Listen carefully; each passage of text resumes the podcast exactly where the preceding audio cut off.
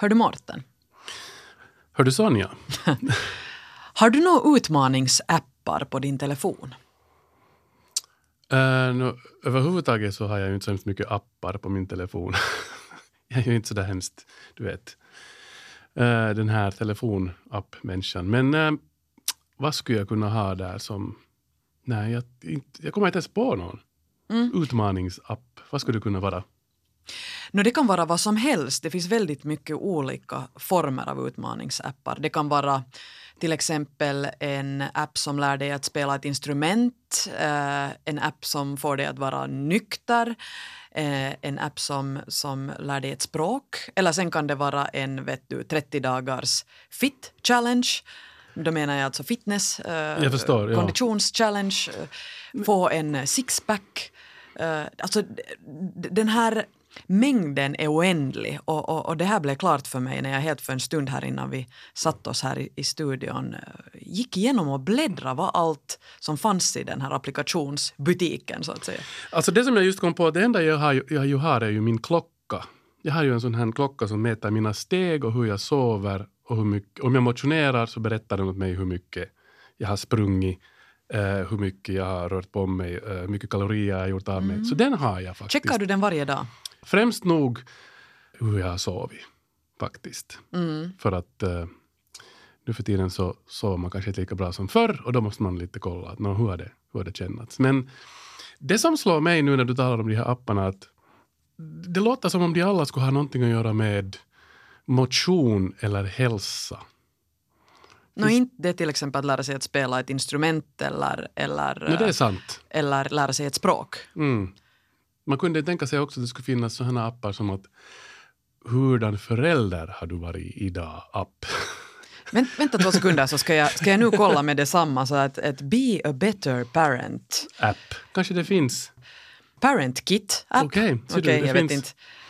Um, och hur är det med någon sån här uh, charity app? Hur mycket välgörenhet har jag sysslat med den här veckan? Hur mycket har jag tagit kontakt med mina gamla föräldrar? Vet du, den här sortens. Det finns helt säkert. Jag tror att det finns en app för allting i dagens det verkar lite värld. Så. Idag ska vi tala om, om utmaningar och just kanske sådana här mikroutmaningar. Alla möjliga utmaningar som vår, vår huvudgäst idag verkar tycka väldigt mycket om. Varför går folk igång på utmaningar? Ni lyssnar på Efter nio här tillsammans med Morten Svartström och mig Sonja Kailasari och det här är vårt tema idag. Uh, vår gäst idag är en, uh, ett, ett praktexempel. Han, han älskar utmaningar och har ständigt någon utmaning på gång och brukar också dela det på sociala medier. Det kan handla allt om att uh, stå på händer, göra armhävningar under en månad eller, eller eventuellt gå ner i vikt utan att tappa muskler. Och han får själv berätta närmare vad det har gått ut på. Men, men det ska bli intressant. Vi ska få träffa Andreas Rundlöv. Och lite senare i det här programmet så kommer vi som vanligt också att få träffa en, eh, en expert på området. Och eh, den här gången ska vi få träffa Viveka Zetterborg Leppänen. Hon är utbildad psykolog och eh, karriär och ledarskapscoach. Hon handleder både chefer, vanliga arbetstagare och också sådana personer som äh, söker ett nytt jobb. Och hon talar mycket om att äh, vi alla har olika temperament och hur vi är i interaktion med andra människor. Och, och att ha en förståelse för andra helt enkelt. Mm. Mycket det här som hon pratar om. Det här ska bli intressant.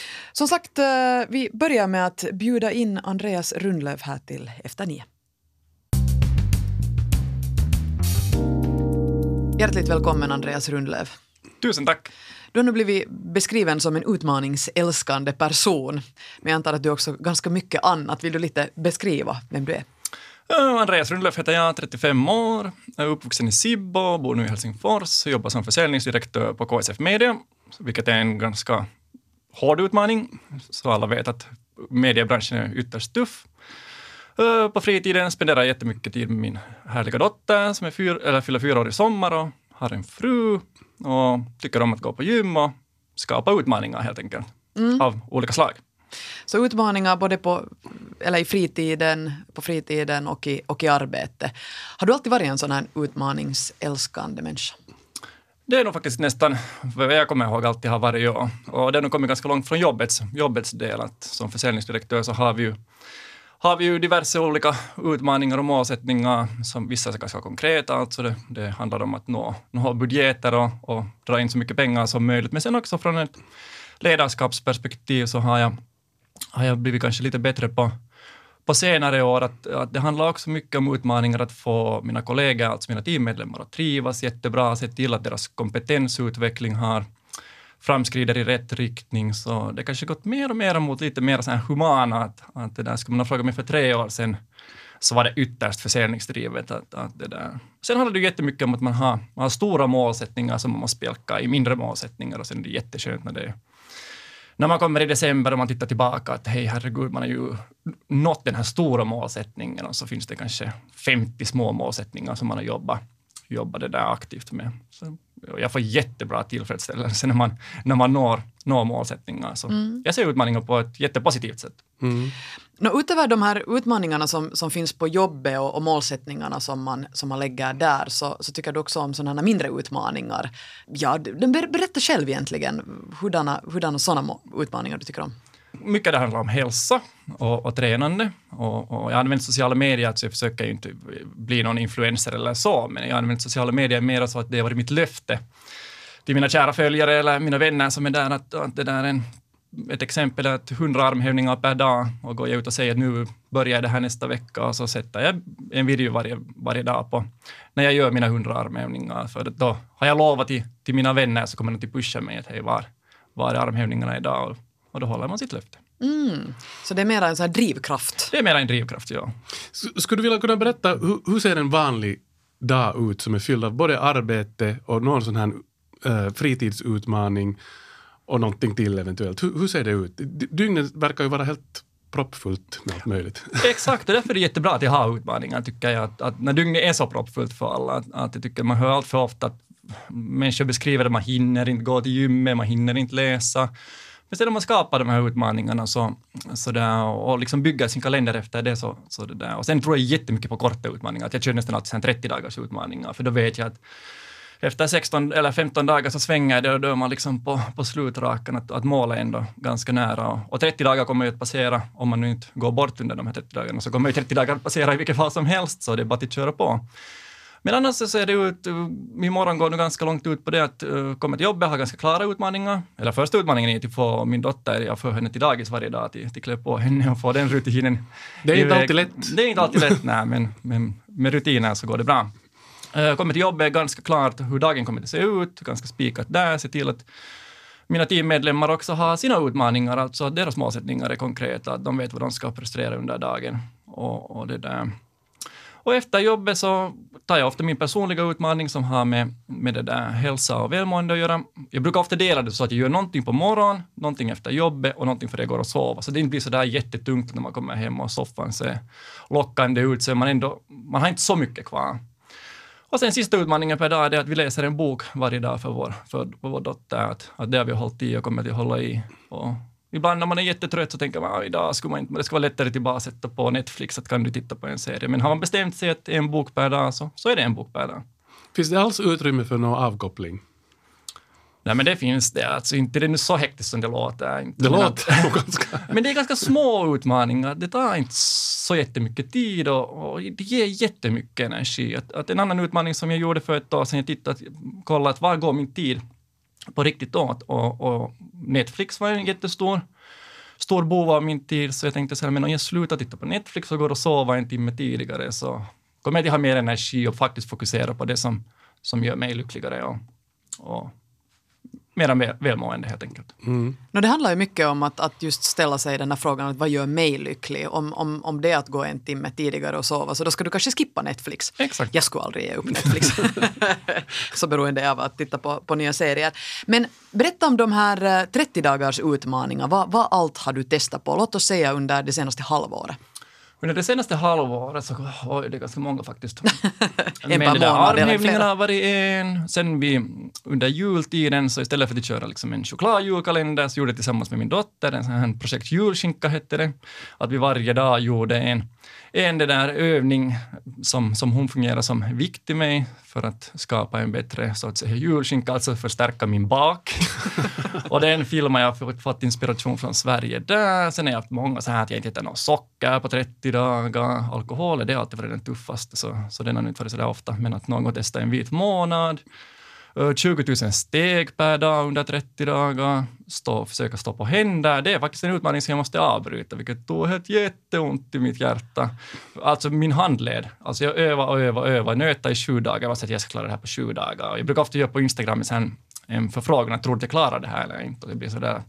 Majoriteten trodde jag klarade det, men så fanns det kanske då en 20 stycken som sa att nej, du kommer inte klara det. Då blir man så här, ah, men fasiken, jag ska visa er att jag klarar det på 15 dagar. Men där ska det i min handled och då blir det ganska viktigt också att om man har en utmaning, tycker jag, som man inte kan slutföra, så ska man ändå klappa sig på axeln. Okej, okay, nu avbryter jag den här och sen tar jag bara nästa. Att mm. börja inte hänga huvudet för dig. Mm, men lite svårt var det med det här med, det med Det var faktiskt jättesvårt. De här människorna sen som som följer med dig och kollar, är de sporrande? Eh, är de imponerade? Får du liksom de kommentarer som, som behövs? Ja, det handlar inte om att det är ganska egoistiskt, att jag bryr mig inte så jättemycket om vad människor tycker. Det är mer ett löfte bara utåt som, som jag vill visa. Men visst, det kommer jättemånga som har liksom börjat göra samma utmaningar och det är helt fantastiskt att se att man börjar aktivera sig. man ser att det inte är så svårt. Och jag är kanske lite av den människan också, man tänker så här när det kommer vad många brukar göra ett nyårslöfte till exempel, att det handlar ofta om att man ska gå ner i vikt. Och så sätter man ett, liksom, en målsättning på att jag ska gå ner, vi säger 10 kilo. Och det tycker jag det är liksom totalt fel. Du sätter ett, ett så hårt mål som är liksom i slutet av året. Så istället du går ner 300 gram per månad. Okej, det blir ju inte 10 kilo det, men, men 500 gram, eller ett halvt kilo per månad. Och då kommer du att få den där boosten och säga att jag klarar det, jag klarar det. Annars kommer du säkert att gå ner 3 kilo första månaden och så tänker du, men mm. äh, nu orkar jag inte mer och så är det tillbaka till samma. Jag tänkte bara, en följdfråga är ju den att finns det inte en risk också att, att folk tycker att men, men vad fan, vem tror du att du är? Varför ska vi liksom titta på det här? Det finns det säkert, men det är ju det fantastiska med sociala medier. Det är ju bara att de slutar följa mig så se, se på den delen mer. När jag bläddrar igenom olika appar just här innan, innan vi körde igång så, så verkar det ju verkligen som att det finns en app för allting. Uh, det fanns till och med en app som jag tror att Mårten skulle bli glad över att jag skulle följa kanske. En no phone app där man lägger undan sin telefon. Man kan själv välja den här tiden, hur, hur länge man, mm. man lägger bort det. Är det 30 minuter eller är det två timmar? Och då måste du alltså lägga telefonen upp och ner och, och den registrerar ifall du lyfter upp den. Hur väljer du själv Andreas, dina utmaningar? Ofta kommer det nog från att jag har sett någon som har gjort något liknande. Men sen ibland liksom helt kan jag ta från hatten från, jag använder faktiskt inte någon app, någon utmaningsapp inte. Men ibland bara tänker jag så här, men det här var ju coolt. Jag hörde till exempel en gång att Mark Zuckerberg, uh, han hade, som inte är sådär jättestor vän av att bära slips, så jag tänkte en gång sådär på, på Husstadsbladets kontor vart jag sitter, att jag tänker bära slips ända tills jag ser en annan person till bära slips. Det är också en utmaning. Och jag, bär, jag hade faktiskt slips säkert i en och en halv månad och sen kom äntligen en kollega emot med slips och sa nu får jag ta av slipsen. Och, men att annars liksom ganska spontana. Och jag brukar säga att var finns det någonting som ger mig glädje och kanske också ger glädje till någon annan. Att en annan utmaning som jag hade under fjolåret var att, som var en ettårsutmaning faktiskt, som var att jag kommer inte för sent till ett enda möte.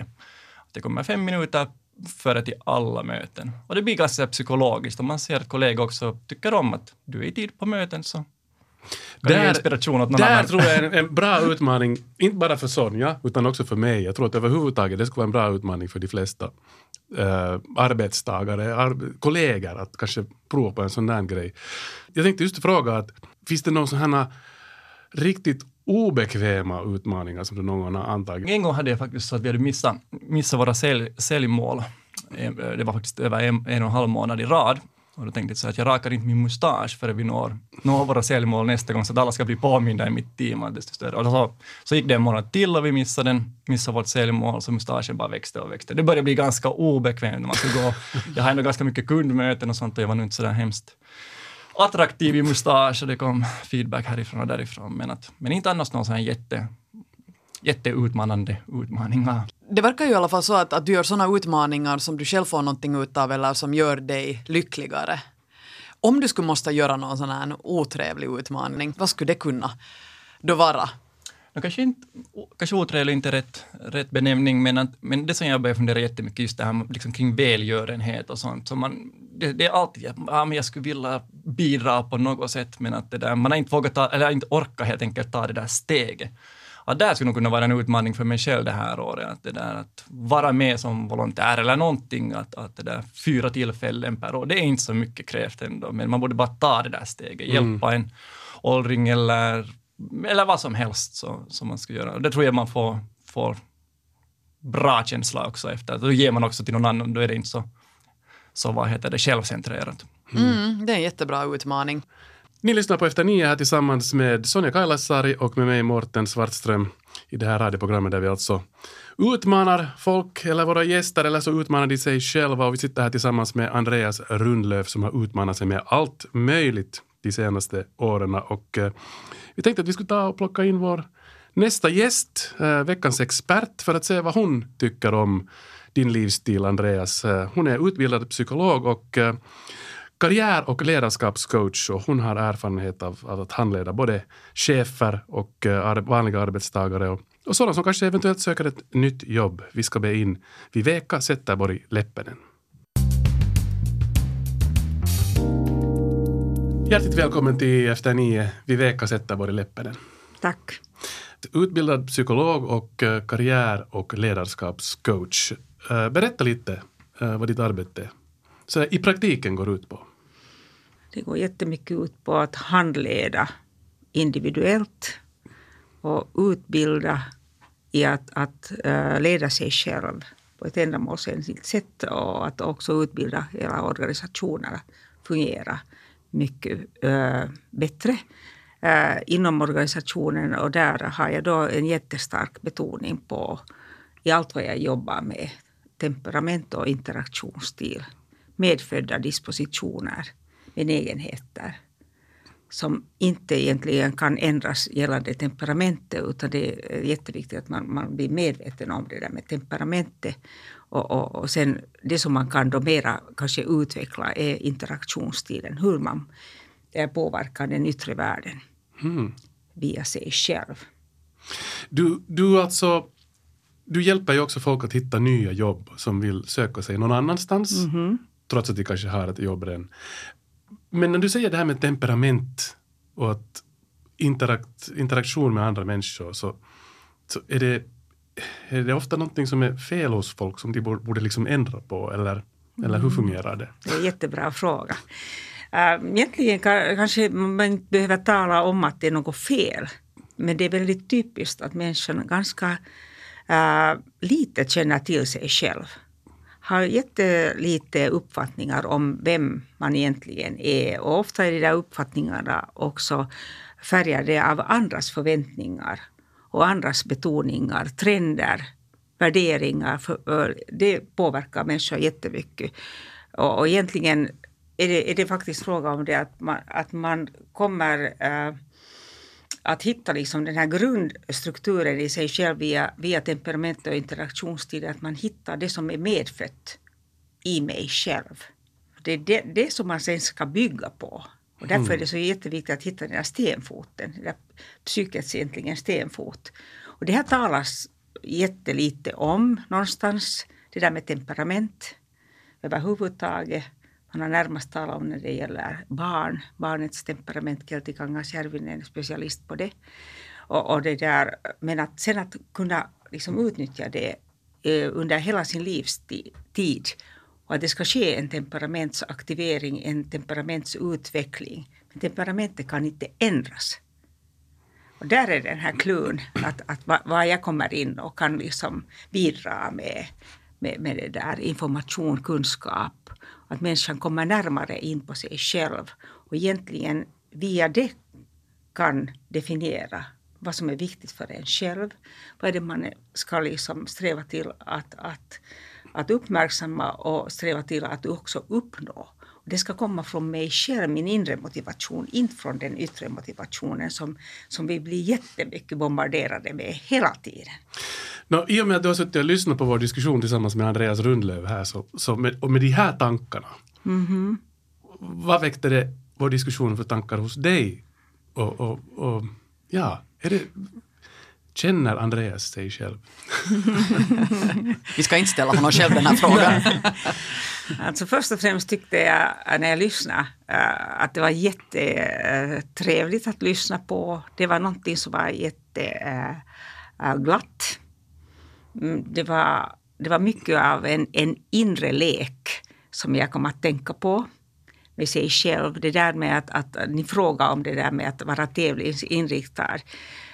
Äh, tävla med sig själv, leka med sig själv. Det borde egentligen man som vuxen också kunna göra mycket mera än att bara vara den här vuxna som liksom förmedlar en bild utåt att den är liksom vuxen och tar på sig olika roller då ofta. Att, att här just att hur upprätthåller man egentligen ett välbefinnande inom sig själv? Eh, kommer jag att tänka på och när jag då specialiserar mig speciellt för då eh, självledarskap, vilket betyder att man tar medvetet ansvar över sitt eget välbefinnande bort från andra och eller omständigheter. Att man lär sig att det beror inte på någon annan. Det beror inte på omständigheterna att jag inte mår bra. Utan jag ska lära mig att tänka tvärtom det beror på mig själv om jag mår bra eller mindre bra. Hur kan jag hjälpa mig själv? Hur kan jag stödja mig själv? Och då har man nog faktiskt nytta av att, att gå via det här med temperament och interaktionsstil. Alltså det är instrument med vilket man kommer åt sig själv. Man kan bilda en, en mycket klar logisk bild. Vem är jag i grunden? Mm. Och jag tycker att, att du berättar mycket om det, att du egentligen med dina utmaningar och just den här utmaningen var ganska positivt hela tiden. Att det var inte det där med att det blir ett problem. Utan eh, som man försöker idogt försöka komma åt att lösa. Utan det var mera det att du liksom stimulerade dig själv till att göra saker och ting som fick dig att trivas bättre, må bättre och just att du själv hittar på de här questerna. Hur du kan liksom tävla med dig själv hela tiden. För det är ännu mycket viktigare det att tävla med sig själv, liksom att, och tävla med det där att jag utvecklar hela tiden min självförståelse och, och, och också min, liksom hela den här, mitt inre välbefinnande. Och det är ganska främmande tanke egentligen. För vi blir jättemycket lärda alltid till att det ska liksom ske någonting som liksom syns bara utåt. Mm. Och ändå liksom det här som finns inne i oss är ju det där som, är det som vi ska liksom, uh, kunna trivas med och njuta av och, och det där. Och, och, faktiskt hela, under hela livets gång egentligen utveckla. Det ska ske en utveckling. Att, att i hela det här vår modell, tankemodell som vi använder så har vi en livscykelteori som kommer från Jung. Och där, där finns det alldeles vissa äh, åldersfaser som är jätteviktiga då att uppmärksamma att de påverkar faktiskt också ens egen inre stämning. Och 36-årsfasen är en, en, en, väldigt viktig fas att uppmärksamma. Och jag hörde att du är 35. Så den är runt hörnet? för hundra år sedan definierade faktiskt Jung det till att, att, det, där, att det är fråga om en individuationsålder. Att man hittar liksom sin egen mm. inre eller sitt eget inre väsen. Och det är jätteviktigt. Det, det är ju en bara matematiskt medeltal men, men det kommer mellan 30 och 40, 45 för oss alla. Mm. Att vi blir utmanade av oss själva. Helt omedvetet kanske till en början förrän man börjar undra vad är det som händer med mig själv. Vad säger du själv Andreas? Är det, är det, låter det bekant det här som Viveka säger här?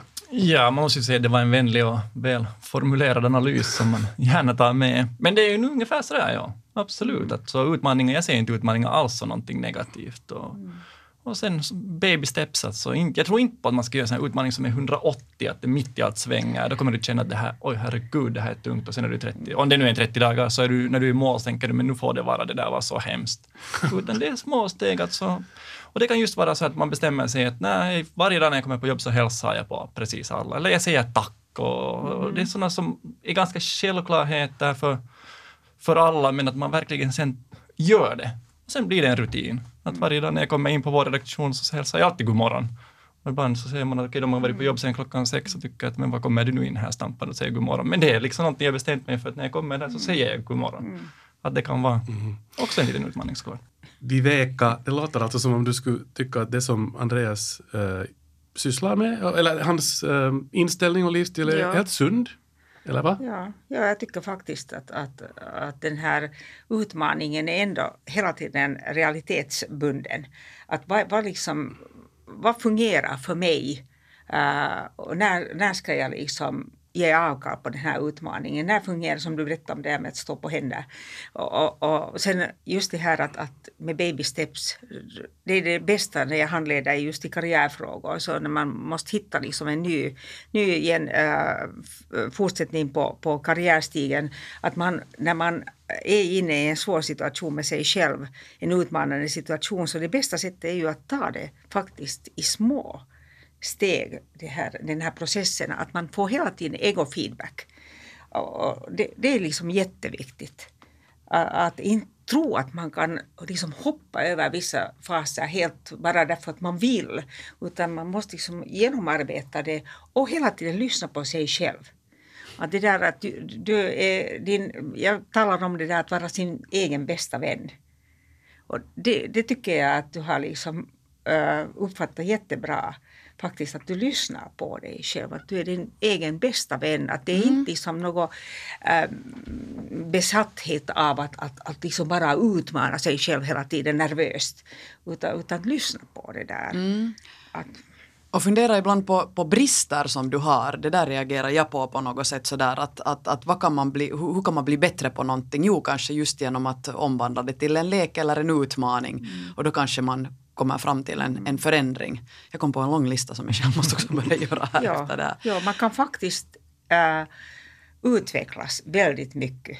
Alltså det finns ingen egentligen äh, direkt gräns där. Att det är fråga om faktiskt att med vilka medel, med vilka knep äh, kommer man åt det där. Så där som du sa, du har infört det som rutiner. Du har börjat lära dig själv till att de där rutinerna hjälper dig att bygga upp en, en, eh, en liksom nyare form av interaktion med din omgivning. Att interaktionsstilarna kan man faktiskt eh, eh, utveckla. Man kan, det finns fyra olika interaktionsstilar, äh, de huvudgrupperna. Och, och, och, man har då en medfödd stil som är den där styrkan i en själv från begynnelsen. Men så, sen är det nog meningen att man ska liksom faktiskt utvecklas till ett mångfald.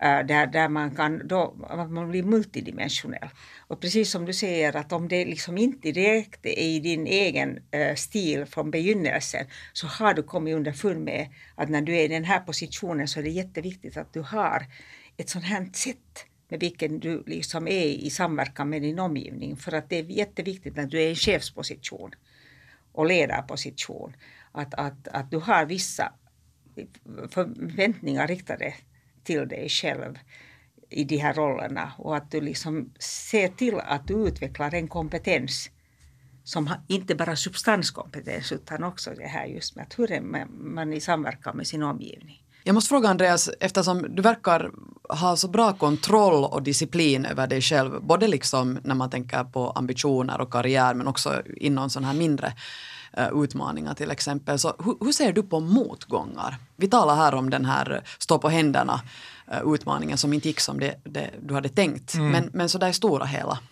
Nej, men där har jag nog också kanske lärt mig under, under årens gång att, att för, nu är jag inte så jättegammal, men att det där backar man tillbaka några år så tog det nog faktiskt hårt. Speciellt i, i arbetslivet, om vi hade våra försäljningsmålsättningar, så det där kunde jobba jag ska ju inte överdriva, men liksom jättemånga timmar bara för det ska nås, nås, nås. Och man känner att man har gett precis allt och man känner att man börjar må dåligt och sen uppnår du inte en målsättning. Så då känns det alltså totalt som man har misslyckats. Mm. Men lite sådär att sätter man åt sidan och så skapar man nästa målsättning och spjälkar det i delar. Jag tror kommer ganska snabbt vidare.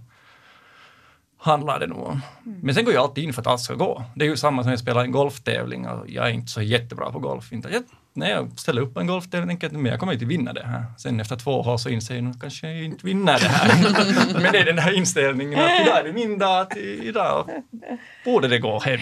Mm. Mm. Hur mycket har du funderat på det här ordet lycka?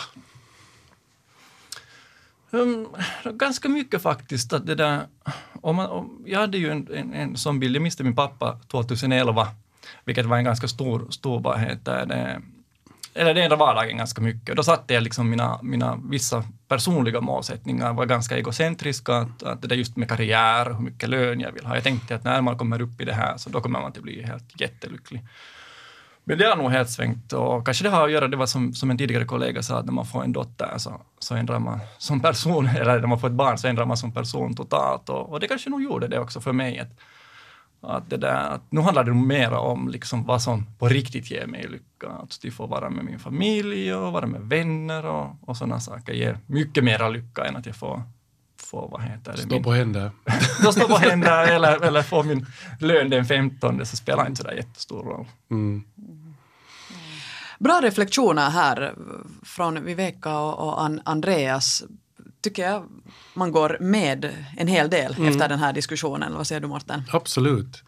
Det var visst så att du och Andreas hade någon, någon, någon ja. var det eventuellt en utmaning du hade här i... Yes, det hoppas jag att vi kan skapa. Ha, har suttit upp hela natten och det där har skapat ett konto på Instagram och Facebook och en hemsida som heter, som inte är kommersiell och inte, inte kopplad till min arbetsplats eller ingen, inte någonting annat, som heter 30dagar.fi. Heter det också på Instagram 30dagar.fi och på Facebook 30dagar.fi. Lanserat igår, så där är egentligen ingenting. Så ni, ni kommer att bli de första hoppeligen de första provkaninerna. Vilket baserar sig då på att vi ska inspirera andra människor att, att, det där, att anta en 30 dagars utmaning, vart man kort berättar att vad är det man kommer att göra under 30 dagar, och sen kör man igång och hoppas att någon annan kopierar det och hänger på. Så frågan egentligen till er att vad är ert löfte? Eller frågan, första frågan är att är ni med? Det är liksom den här största min grundinställning är att jag är alltid med. Nåja. Och sen om jag lyckas så är det ju bra, men om jag inte lyckas så är jag inte heller hård mot mig själv. Men ja.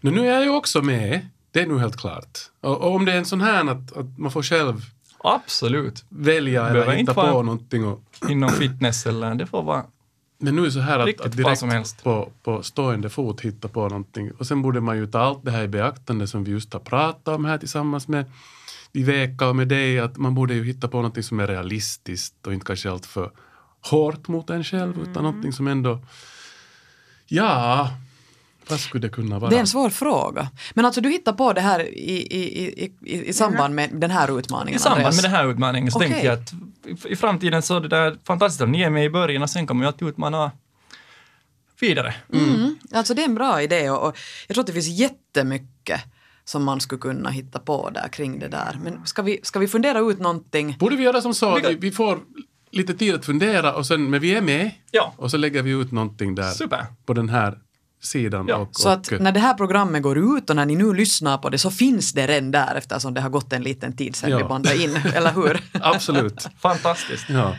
Okej. Okay. Bra. Nämn en gång till, vad var det den hette? 30dagar.fi. Just det, okej. Okay. Här, här har vi ju kanske genererat en hel rörelse. Det hoppas vi. får se. Det hoppas vi. Ja. Vi, vi vekar också vara med här. Ja, ja, ja, jag tror redan att jag vet vad det skulle kunna vara. Okej, vill du dela med eller? Jag kan aldrig uttrycka mig direkt. Nej, men du hinner också, du också fundera. fundera. Och så kan ni ja. gå in och titta där och se vad ja. Viveka har skrivit. Men det som jag måste fråga bara helt sådär konkret, nu ja. när man då säger sin utmaning och, och, och, och, ska göra det i 30 dagar, eventuellt inspirera andra ska man uppdatera där hela tiden? Vad, vad, vad, vad är funktionen? No, egentligen tänkte jag att man sätter en kort beskrivning, att vad är det som man ska göra och sen, alltså jätteroligt om man kan skicka liksom updates under tiden, vad man, hur det går. Och sen i slutet, vad, hur gick det? Vem rekommenderar man det här till? Och hoppeligen så skapar man en ny utmaning. Mm. Ja. Men det behöver alltså inte vara någonting som du gör varje dag under 30 dagar, utan det kan också vara splittrat. Ett helhetskoncept. Ett helhetskoncept, just det, precis. Jättebra. Och det ja. ger ja. fria händer. Fantastiskt. Nu får vi bita på, på det och tugga och, och fundera vad det skulle kunna vara. Ja. Härligt. Ja, ja men tack intressant. för det. Tack Viveka. Uh, tack Andreas. Tack. Ni har lyssnat på Efter nio här till, tillsammans med Sonja Kailasari och med mig Mårten Svartström. Och ja, vi är som vanligt tillbaka nästa vecka med nya gäster och nya utmaningar. Ja, förstå.